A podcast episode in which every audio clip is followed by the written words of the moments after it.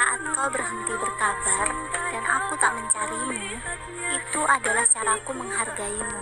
Aku sedang belajar untuk tidak menjadi wanita yang merepotkanmu, memberatkanmu, atau mungkin jadi alasan atas tertundanya urusanmu.